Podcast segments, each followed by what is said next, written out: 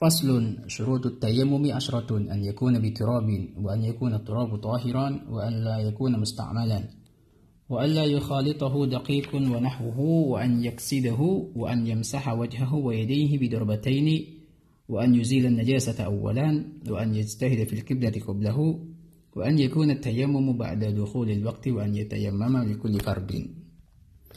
فصل فصل شروط التيمم عشرة. syarat sahnya tayamum ada 10. Yang pertama an yakuna biturabin hendaknya menggunakan tanah. Yang kedua an yakuna turabu tahiran dan hendaknya tanah tersebut adalah suci. Yang ketiga wa alla yakuna musta'malan dan hendaknya tanah tersebut tidak mustakmal. Tidak digunakan untuk bersuci baik itu dari hadas maupun najis seperti uh, najisnya anjing wa alla yukhalitahu daqiqun wa nahnuhu dan hendaknya tanah tersebut tidak tercampur dengan tepung dan sejenisnya. Wa an yaksidahu kemudian yang kelima adalah hendaknya bermaksud untuk memindah tanah tersebut. Wa an yamsaha wajhahu wa yadayhi bidarbataini yang keenam adalah hendaknya dia mengusap wajah dan kedua tangannya dengan dua kali pengambilan tanah tersebut. Kemudian yang ketujuh adalah wa an najasat awalan dan hendaknya dia itu menghilangkan najis terlebih dahulu. Kemudian yang kedelapan adalah wa an yajtahida fil qiblati qablahu dan hendaknya dia berijtihad untuk mencari kiblat sebelumnya jika dia tidak mengetahui arah kiblat. Kemudian yang kesembilan adalah wa an yakuna tayammumu ba'da dukhulil waqti dan hendaknya tayamum itu dilakukan setelah masuknya waktu. Sedangkan sebelum masuknya waktu itu tidak sah tayamumnya untuk sholat yang ini. Kemudian yang ke sepuluh adalah wa an yatayammama likulli fardin dan hendaknya dia bertayamum setiap hardu hanya satu tayamum jadi dalam hal ini musonif menyebutkan ada 10 syarat yang harus terpenuhi eh, dalam untuk keabsahan tayamum yang pertama yaitu hendaknya menggunakan tanah dengan ketentuan tanah tersebut mempunyai debu. Kan tetapi kalau tanahnya tidak berdebu seperti kerikil yang kecil-kecil tapi nggak ada debunya itu tidak sah untuk digunakan tayamum.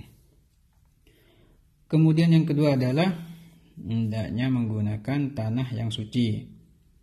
Maka tanah yang mutanajis yang terkena air kencing contohnya kemudian mengering maka di sini tidak sah untuk digunakan tayammum.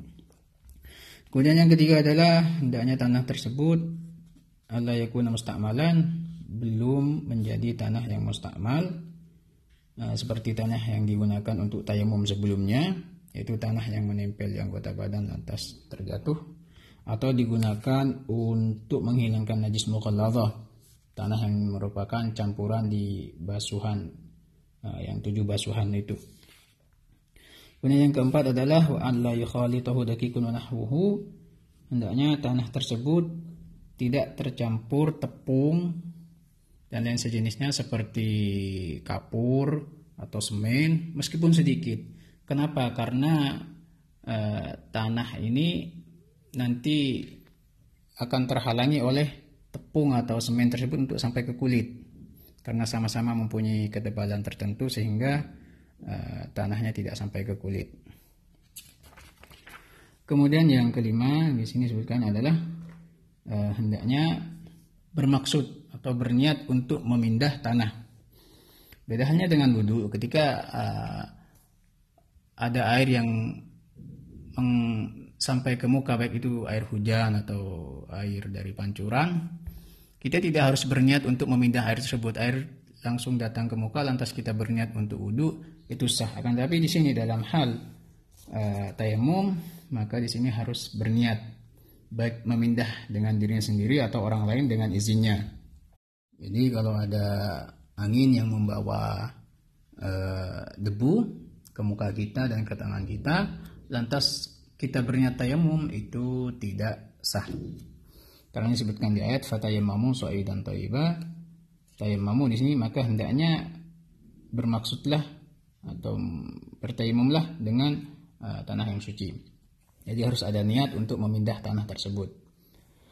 Kemudian yang keenam adalah an yamsaha wajhahu yadihi ini hendaknya dia itu mengusap wajah dan kedua tangannya dengan dua kali pemindahan uh, tanah.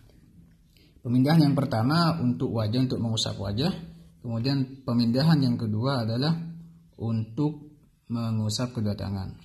Dan tidak cukup hanya dengan sekali pindahan meskipun debunya tersebut cukup untuk wajah dan telapak eh, dan kedua tangan.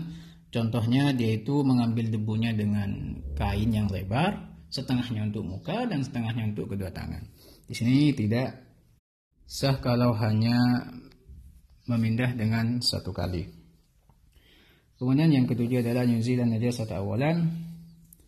Hendaknya dia itu menghilangkan najis atau mensucikan najis terlebih dahulu sebelum melakukan tayamum. Nah, najis di sini adalah najis yang tidak makfu. Sedangkan najis yang dimakfu seperti sisa istinja dengan batu maka itu tidak ada masalah. Nah, kalau dia tidak bisa mensucikan najis, contoh di tangannya dia itu terkena kotoran yang najis dan tidak menemukan air, Nah, lantas apa yang dia lakukan? Apakah tayamum boleh atau tidak? Gimana sholatnya? Nah di sini ada perbedaan pendapat antara Imam Romli dan Imam Ibn Hajar. Menurut Imam Romli dia tidak usah tayamum, akan tetapi langsung sholat, sholat faqidut tahuren. Sholatnya orang yang tidak mempunyai, tidak menemui dua sarana persucian itu wudhu uh, tidak menemui air dan dan tanah untuk tayamum karena syarat tayamumnya tidak terpenuhi. Sedangkan menurut Imam Ibn Hajar dia tetap bertayamum dan berdasarkan kedua pendapatnya juga tetap wajib mengulang. Kemudian yang kedelapan adalah fil kiblat qiblahu hendaknya dia itu berijtihad untuk mencari kiblat sebelumnya jika dia tidak mengetahui arah kiblat. Jadi dia harus tahu arah kiblatnya terlebih dahulu, baru setelah itu boleh melakukan tayamum. Kemudian yang kesembilan adalah yakuna tayammumu ba'da dukhulil waktu hendaknya tayamum tersebut setelah masuknya waktu. Baik ini solatnya itu solat fardu atau solat sunnah.